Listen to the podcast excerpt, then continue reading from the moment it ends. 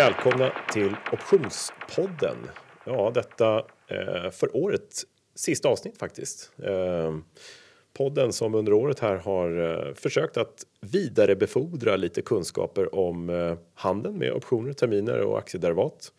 Eh, ja, i syfte att hjälpa dig som lyssnar att lyckas lite bättre med förutsättningarna på börsen liksom och din handel med aktier och optioner. Välkommen för sista gången i år, Thomas Bernholm. Tack så mycket. Hur känns det? Ja, det känns mycket bra tycker jag. Det gör det, som vanligt. Ja. ja. Julen närmar sig och sådär. Det Sista är ju så. Mm. För året som du säger. Det har gått fort.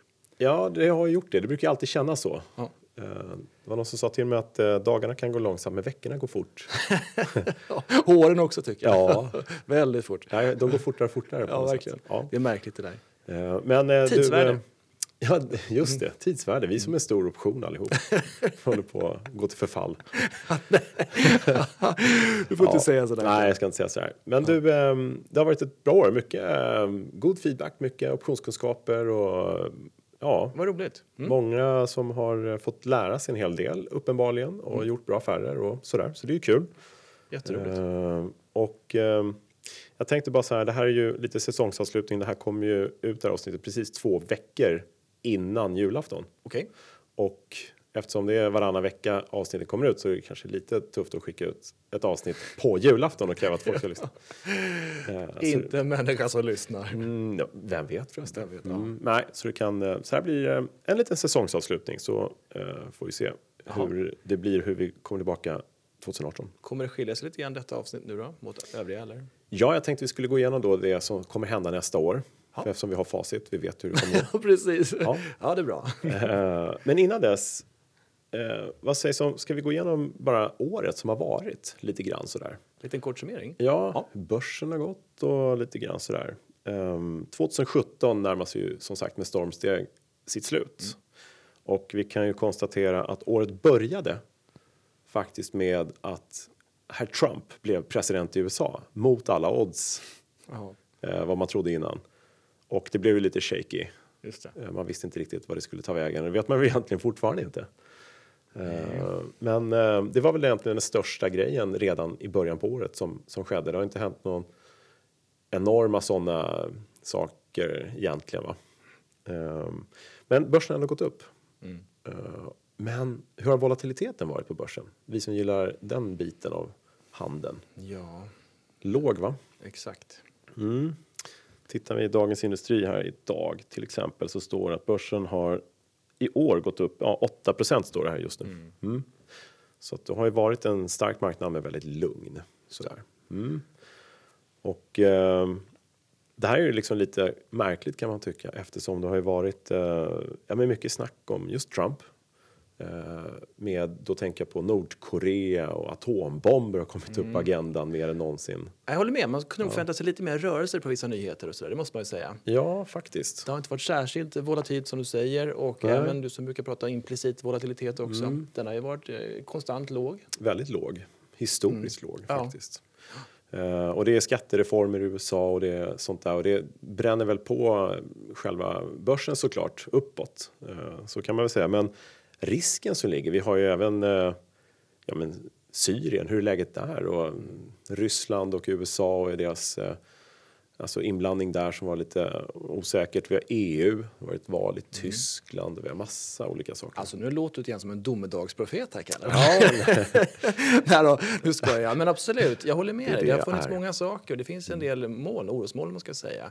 Man kan tycka att, eh, att börsen bara tuffar på är lite märkligt. Speciellt om man tittar tillbaka. Man har varit i marknaden länge. Mm. Tänker alltså slutet av 90-talet, början av 2000-talet. Sådana här nyheter skulle verkligen fått fart på marknaden och ändra hållet. Just nu det. pratar om negativa saker. Då hade det fallit på ganska duktigt.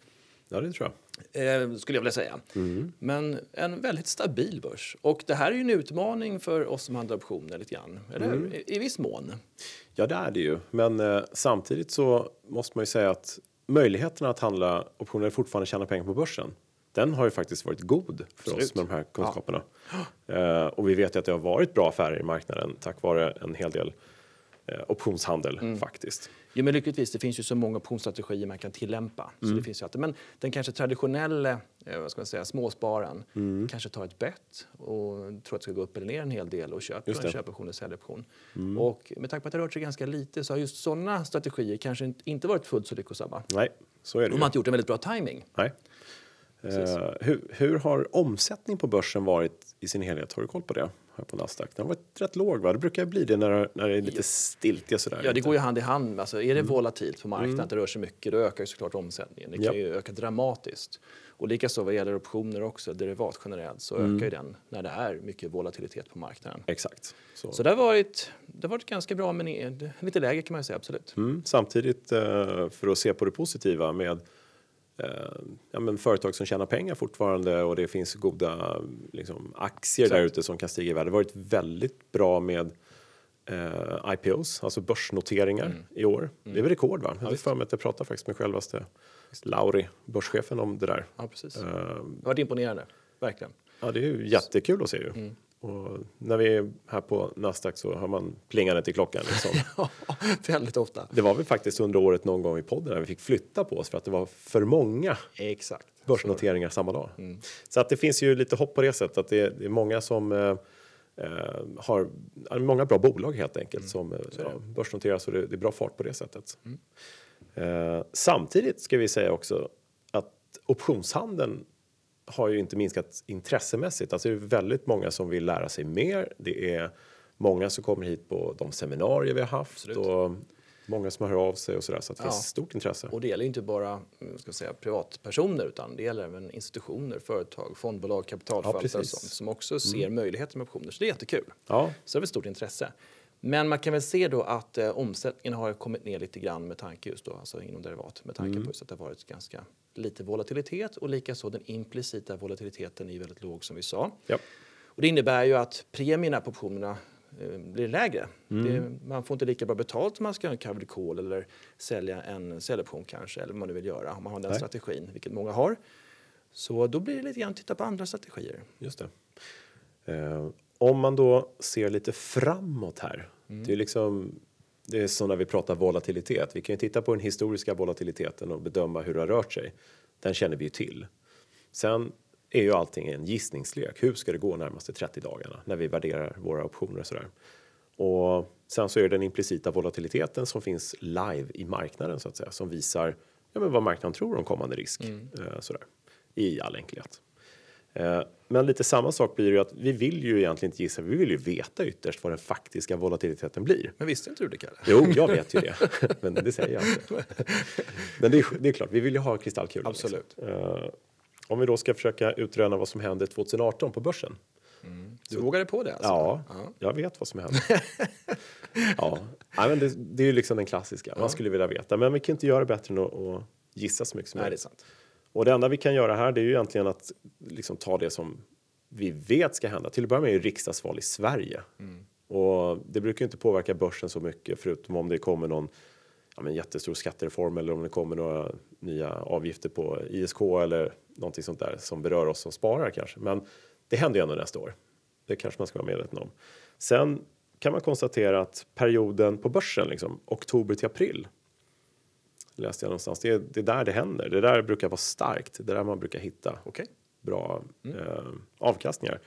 Sen i alla år liksom annorlunda olika, man kan ju inte garantera Nej, någonting. precis. Man, kan bara titta på historiken. Det finns en liksom. hel del undantag kan jag säga med en gång på den tiden. Men, Ja, absolut. det ju. men det är bra med Verkligen. Mm. tumregel. Man ser liksom att det följer ett mönster i alla fall. Att de här perioderna brukar det gå bra. Just det. Det var väl förra året, 2016 var januari, det inte gick särskilt bra. Börsen gick ner 10 och Just det. Så det finns definitivt undantag. Mm.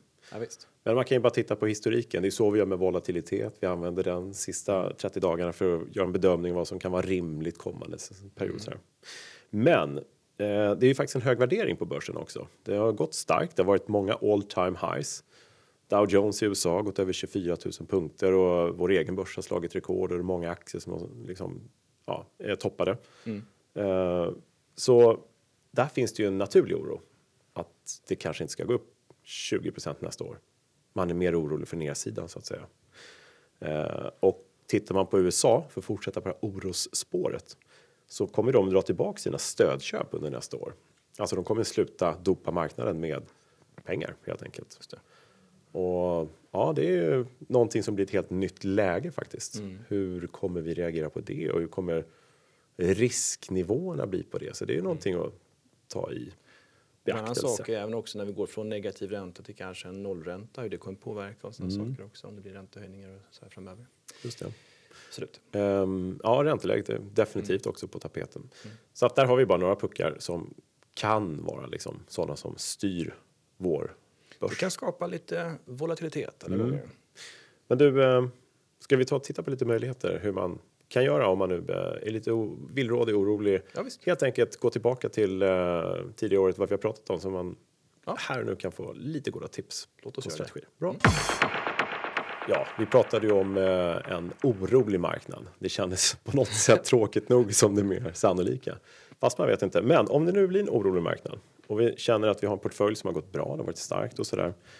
Eh, det första spontana för att skapa ett skydd i eh, sin portfölj helt enkelt skulle jag spontant säga att sälja terminer emot sin portfölj. Och neutralisera positionen? Ja, eller delvis, åtminstone eller? ja, delvis neutralisera eller helt neutralisera eller kanske till och med gå kort netto med hjälp av sälja terminer. Okej. Det beror ju på lite grann hur man, det är väldigt ovanligt att man kortar på det sättet Mm. kanske, men åtminstone sälja ett par terminer mot sin portfölj eller hur många man nu vill göra för att känna att man har lite skydd på nedsidan. Mm. Då tar man ju direkt av potentialen till uppgång naturligtvis, men det kanske kan kännas bättre att lägga locket på lite grann i alla fall. Och det är ett smidigt sätt att sänka exponeringen på såklart. Ja, det, det går snabbt och, men, ja. och det är ju så. Och det första man kanske gör är kanske egentligen att sälja lite aktier helt enkelt. Men om man inte vill göra det så kan man ju Så kan man göra, ja, precis. emot. Ja, vad ska vi säga mer då? Terminer är en bra sak. Ja, nej, men som vi pratade om förut i något tidigare avsnitt vill jag säga så har det varit så att man kan köpa säljoptioner och speciellt när, Puttar, ja. ja, speciellt när den implicita volatiliteten är låg. De är ganska billiga. Mm. Det har varit frestande skulle jag säga att göra det. Eh, Men i med tanke på att det inte har gått ner någonting Mm.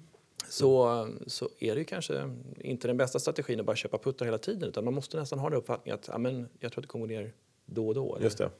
Så man inte bara ligger och köper det hela året. Liksom. Nej, kanske kan vara lämpligt att köpa puttar inför rapporter eller sådana händelser som Mm. man vet kan skapa lite oreda.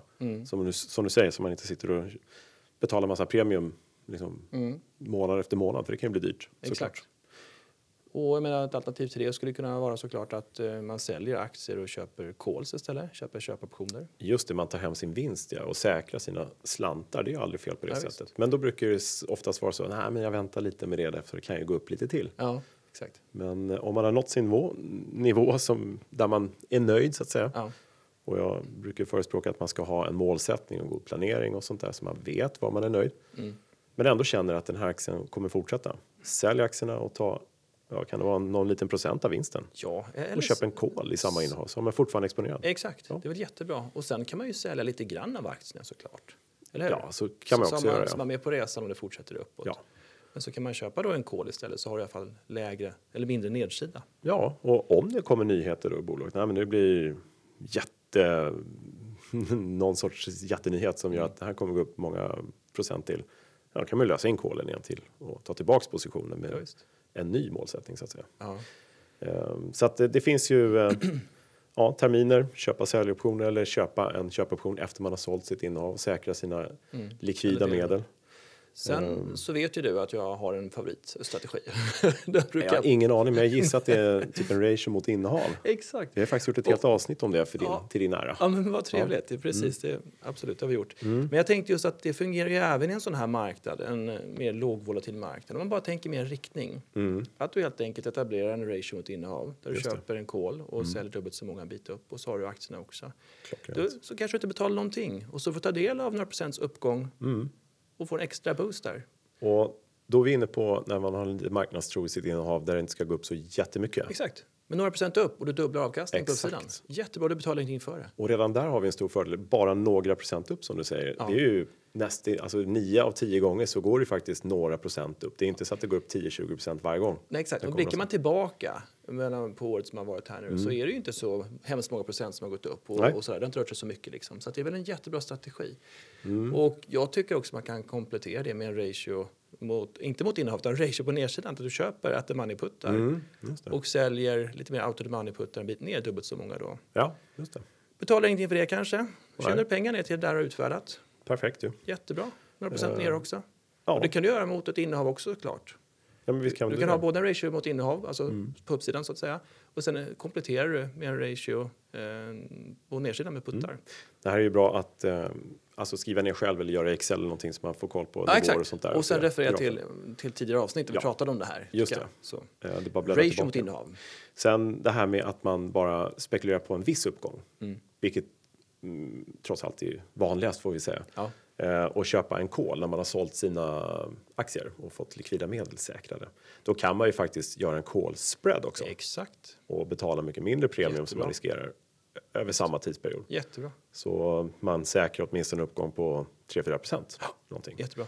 Och just om man är lite mer långsiktig också, för den Mm. som vi pratade om tidigare, den är kommer till sin rätt om man liksom behåller den i stort sett löptiden ut. Ja, men just det. Eh, ja, Och det bra. gäller även ratio-spreaden också förstås. Kan avsluta snacket om en orolig marknad vad man kan göra med att eh, det var någon som sa det här, någon expert eller om det var någon ja, att 2018 kommer förmodligen bli som en karbonkopia på 2017 hur börsen utvecklas.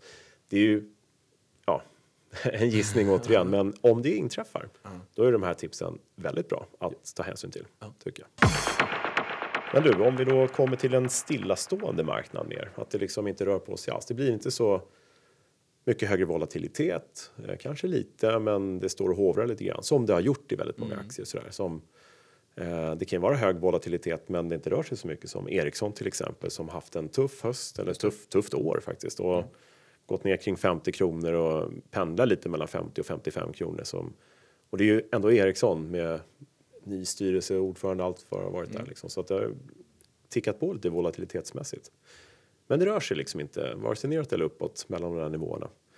Eh, så om det är en stillastående marknad i ett innehav eller på börsen, vad kan vi göra då för någonting? Är det något speciellt som du känner där spontant? Nej, men alltså i normala fall, vi har pratat om det flera gånger tidigare, vet jag, det är ju att sälja en, eh, en vagga mot innehav.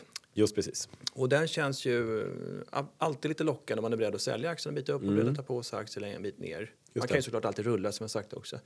Det som kanske talar emot det lite grann är just den här låg implicita volatilitetsmarknaden. Ska jag säga. Att man måste känna i att, ja, får, jag, får jag verkligen betalt för min risk eller mina åtaganden? Liksom? Mm. Det är en fråga alla får ställa sig själva. Och jag det tror. Mm. att man har olika uppfattningar om det. Det kan mycket väl så man tänker sig i Ericssons fall, jag har en krona extra där, det är väl jättebra. Mm. Medan vissa kanske, nej jag gör inte för under två kronor och så vidare. Nej, och i Ericssons fall är det väl kanske också en fråga om vill man ha extra aktier på säg 50 kronor? Ja, Eftersom det ligger ju faktiskt en viss ja, men underliggande risk i ett bolag som Ericsson att det kan faktiskt bli väldigt mycket volatilitet fram och nedgång i aktien ifall det kommer Exakt. Någon dålig nyhet. Så att det, det kanske är en faktor till. ja. Men annars så finns som i Telia till exempel som vi pratat om många gånger som inte rör sig så mycket, inte gjort många år. Eh, och där är väldigt låg volatilitet men det kan bli ändå en bra avkastning om man kontinuerligt gör strangles eller alltså såld vagga mot innehav som vi säger.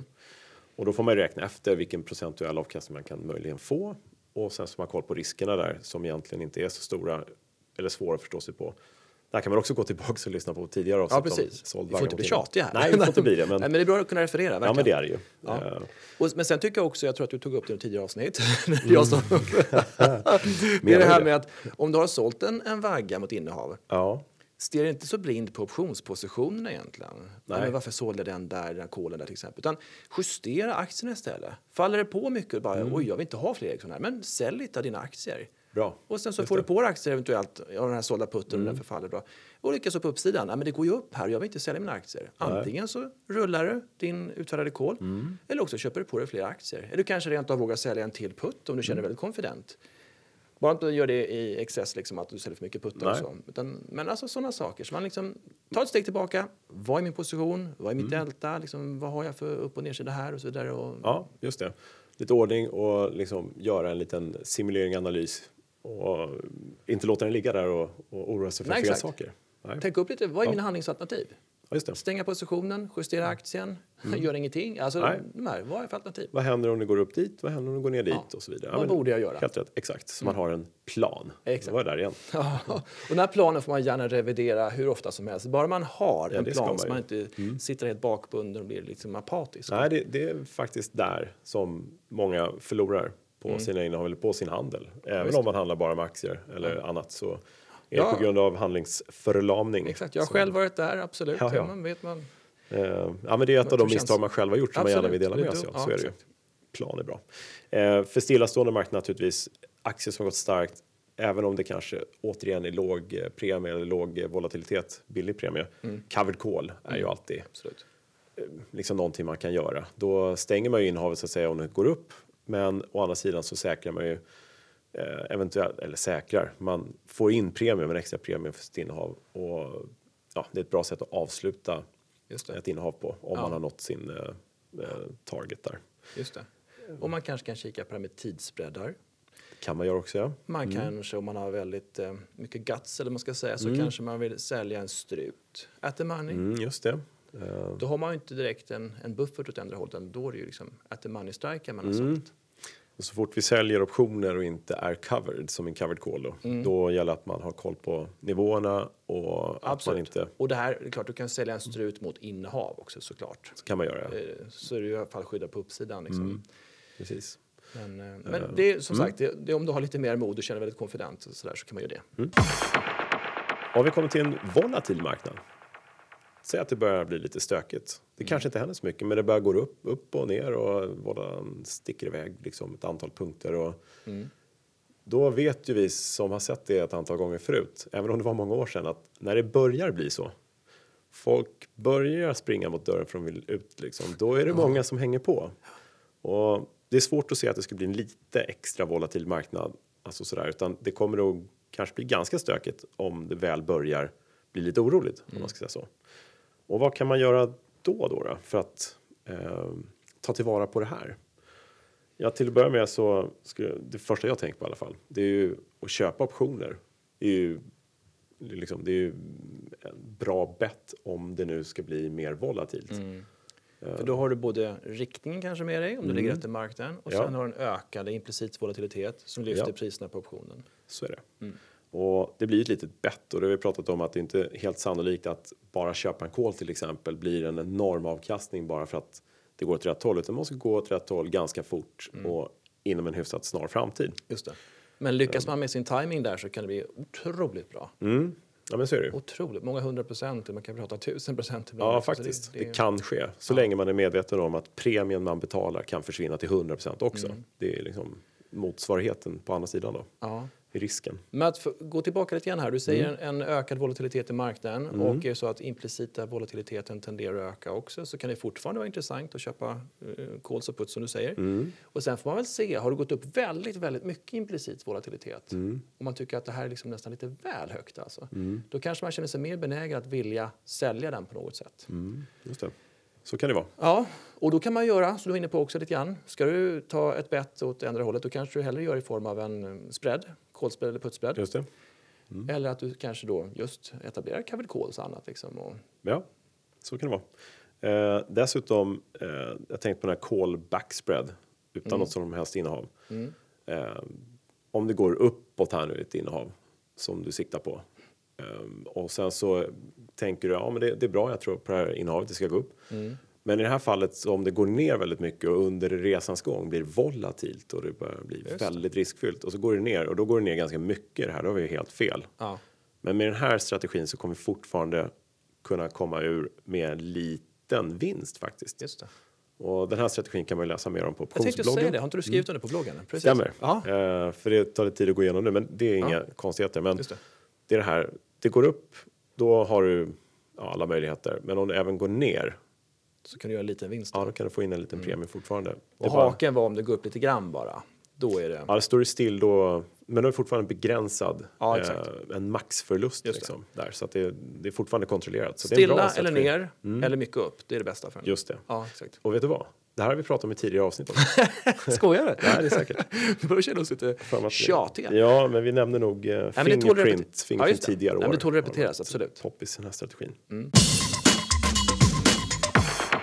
Har det varit några annorlunda eller några nya frågor på senare tid till podden? Du, det har kommit fler frågor än vad jag kan hantera faktiskt. Eh, och det har ju varit positivt såklart, men den får väl den här vägen be om ursäkt till alla jag inte hunnit svara. Eh, Jag har förståelse för det. ja. Det är kul att intresset är stort. Ja, det är, det är stort. Eh, jag, jag läser nästan allt i alla fall och Ja. försöker samla ihop det och sådär. Eh, det har kommit en hel del eh, frågor om eh, ja, men det här lite högre i skolan med nyckeltal och, Ja. eh, och, och, och lite så. Ja. Eh, Det har kommit mycket frågor om eh, hur man kan eh, kombinera liksom, längre optioner, sådana saker. Och, eh, väldigt mycket systemfrågor. Hur vi kan använda system för att handla optioner. Och eh, det finns ju tyvärr inget system som ritar upp grafen exakt och sådär. Eh, vi jobbar ju på det. Men däremot så finns det ju system man kan få hem själv och, och handla med och liksom sitta från grunden och titta på optionspriser och räkna på det själv och det är optionskalkylator och sånt där. Eh, Infront som jag jobbar med till exempel. Så det finns mycket möjligheter. Det finns svar på alla frågor gör det. Vad bra.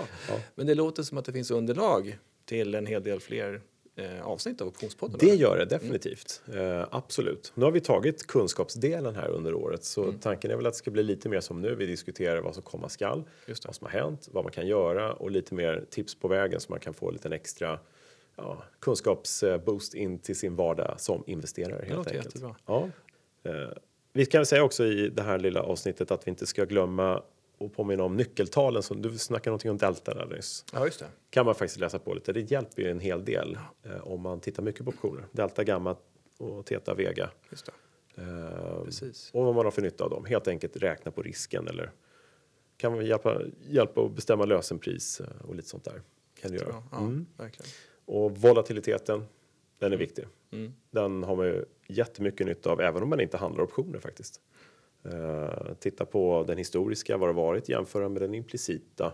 Se vad man har för edge däremellan och man Mm. kan hjälpa till att besluta om man kanske ska köpa eller sälja eller någonting sånt där. Så det är bra. Nyckeltal och volatilitet. Sen också, vi är på Nasdaq och här finns det ju veckoptioner. Just det. Det ska vi inte glömma. Nej. Det tycker jag är otroligt praktiskt när man i det kortare perspektivet inför rapport eller utdelningar och sånt där som kommer i vår och sånt. Eh, jättebra. Mm. Absolut. Eh, Ja, det är ett väldigt uppskattat instrument nu faktiskt. Så det, Mm. det ska man kika på. sen har vi pratat mycket här om eh, TMC, Tailor Made Combination. Exakt. Otroligt bra om man ska göra en kolspread eller puttspread eller en annan spread upp till fyra ben elektroniskt. Mm. Så då är det ju faktiskt ett problem att man får den så kallade legging risk eller execution risk. Eller hur? Precis. Det betyder helt enkelt att ja, vi köper den första kolen men vi ska sälja den andra däremellan. Då hinner marknaden röra på sig. Det är ju en risk. Mm. Så Och- får man inte det om man ska sälja den andra optionen så Nej. får man inte det man vill ha för den. Så får man jaga marknaden neråt och så blir det ofördelaktigt. Så det är absolut. Men nu kan man göra det här elektroniskt helt enkelt. Via tailor made combinations. Ja. Till och med du har tvingat market makers att ställa priser direkt i kombination också. Inte jag personligen, men ett team här på Nasdaq absolut. Så att en market maker ska svara på en sån här order inom 20 sekunder och sen hålla ett pris under minst 20 sekunder. Vid en så kallad quote request. va? Exakt. I praktiken behåller de priserna mycket längre. Vissa kan hålla dem hela dagen. Och um, det är många market makers som gör det här nu. Det är ett tiotal och vad jag förstått så är det flera på gång in också. Och då sker ju alltså, det blir väldigt effektivt. Det är många som ställer priser samtidigt och det blir bättre priser och det sker snabbt och effektivt. Och du slipper den här exekveringsrisken. som Ja, just det. Men alltså om jag känner att jag vill göra en eh, jag ska göra en kolspread och så säljer jag en putt för att finansiera den här kolspreaden. Leker vi av, En trebening alltså, eller? Just det, Ja. tre stycken olika optionsben. Och då har jag ett nettopris på kanske 50 öre. Mm. Lek med tanken. Ja, vad bra. Eh, då lägger jag in den här elektroniskt och det är 50 öre jag vill göra den på. Mm. Då kommer en market maker säga att jag kan ställa priset 25 öre, 75 öre. Då har jag i alla fall en marknad. Och då lägger jag in 50 öre och då har vi en marknad för hela marknaden som alla kan se. Precis. Och då kan vi handla den här kombinationen. Ja, och också intressant i den här kombinationen, den här ordertypen, eller orderfunktionen, är att tick sizen är ett öre. Det vill säga, du kan justera ditt pris. Om du nu hade 50 öre så tycker du att jag lägger upp 53 öre eller 58 öre eller sånt Just där. det. Det kan du också göra. Topp. Och det kan man ju inte göra i marknaden på samma sätt. Nej. Du handlar ben för ben. Så där tycker jag man ska titta på och det är egentligen bara att man kontaktar sin bank och mäklare och eh, hör sig för lite grann. De hjälper till att lägga in sådana här. Toppen. Du, vi ska sammanfatta lite grann av sammanfattningsavsnittet. Hur sammanfattar vi det då? Nej, det vet jag inte. Vi har ju sammanfattat. Där ringde en klocka. Känns som vi har sammanfattat sammanfattningen förut. Men eh, ja, vi kan ju säga att 2017 har varit ett, eh, ja, men, ett bra år ändå. Varför har det varit så bra? Jo, men marknaden har berikats med Optionspodden. Ja, precis. Det måste vi säga Det är den stora händelsen för året. Ja, det är det. Alla, alla pratar om det. Ja. Ehm, Nej, men jag tycker det varit jättekul Mm. att det varit så många som har lyssnat och så vidare. Det är jätteroligt. Ja, det är väldigt nischat, men oväntat många som har kommit in och lyssnat. Mm. Som vill lära sig mer och som inte, kun, alltså som inte har haft så mycket optionskunskaper. Och Mm. Eh, verkligen eh, berättat att de har fått med sig en hel del. Och det är Mm. Kul. jättekul, superkul. Och 2018 så återkommer vi i ny tappning, är tanken. Så det är bara att hålla utkik efter Optionspodden i, i alla de medier där Optionspodden finns. Allt från optionspodden.se till eh, iTunes och Acast och ja, vad det nu är. Det är alla möjliga olika eh, forum. Bra spridning. Du, vad hände på Nasdaq eh, 2018? Det är tuffa på. Fler IPOs och sådär. Inga. Ja, oh ja. Trenden är fortfarande väldigt positiv och sådär. Ja, Så det, det, det händer. Det rullar på som vanligt skulle jag säga. börsen öppnar Mycket. 9.30 första dagen i januari som vanligt. 9.30? 30. Den var Där- rolig. Jag där- tänkte ja. 17.30, det blir Ja. hybrid där. Just det. 9.00 öppnar börsen. Exakt. Ja, det får jag verkligen hoppas. Ja, det får vi Mm. hoppas. Men vad man kan säga är ju att Mifid 2 implementeras, EU, eh, nya EU-direktiv och lagar och regler tänkte jag säga. Mm, så att, det. eh, lite sådana saker. Men det är väl inga större förändringar som Nej. den enskilda investeraren ser. Nej. Då ska vi avsluta dagen med vår off topic. Som ibland blir on topic. Ja, Vad blir det idag? Är det off eller on?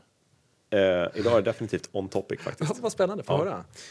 Ja, det finns en gammal herre, eller ja, han är nog gammal nu om han lever. Han heter Andy Williams. Han sa så här. We teach about how to drive in school, but not how to manage finances. Mm. Och vad vill jag ha sagt med det här idag då? Jo, för det är ju lite så. Vi lär oss massa saker i skolan som är jättebra. Och i USA som den här herren kommer från, där får ju faktiskt i skolan lära sig köra bil också. Inte illa. Eh, men vare sig här eller där får vi faktiskt lära oss hur vi ska hantera vår privatekonomi så himla mycket. Nej, det är sant. Och det går ju ända upp i, alltså från barnsben upp till vuxen ålder. Det är inte alla som tycker att det är kul, inte alla som tycker att det är så lätt. Men vi hjälper i alla fall till lite grann på vägen med att hjälpa alla investerare som tar hand om sitt sparande lite bättre för att vi lär ut optioner. Eller Bra. även aktiemarknaden och hur man kan hantera saker och ting, hur man kan tänka och sådär. Så det var bara lite för avsluta året och bolla lite grann. Vi har ju faktiskt kurser. Eh, det kommer förmodligen fler kurser på Nasdaq. Eh, det kommer kurser på nätet. Det finns massa möjligheter att lära sig mer. Så kan vi ju konstatera i alla fall. Oavsett om man är investerare privat eller om man är institution eller mäklare. Alla möjligheter finns, det är bara att kontakta oss, eller hur? Ja, Så glöm inte att titta på optionsbloggen.se för mer information. Eh, kan fortsätta ge lite feedback på optionspodden.se vad ni vill höra mer om och eh, det finns fler gäster som är på väg in och sådär om det är något speciella ni vill höra och prata med och sådär så det är bara in där, fortsätt. Eh, ja, ställ även frågor. Jag gör mitt bästa för att svara på så många jag kan. Eh, jag finns på Twitter, att cbjorkegren. Och ja, där kommer väl de snabbaste nyheterna ut så att säga. För de som följer med där. Ja. Vad Du, ska, vi, eh, ska vi säga en god jul nu eller? Va? Sista. Ja, det blir väl så. Och kanske gott nytt år också. Ja, och Lite så här tidigt men ja. lite så. Ja. Och lycka till under 2018, men vi hörs igen helt Ja. enkelt. Eller Vad hur? Mm. Ha det bra allihop. Du, tack ska du ha Thomas. Och ha det Tack. så bra. Tack så alla. mycket Kalle. Hej. Ja, hej.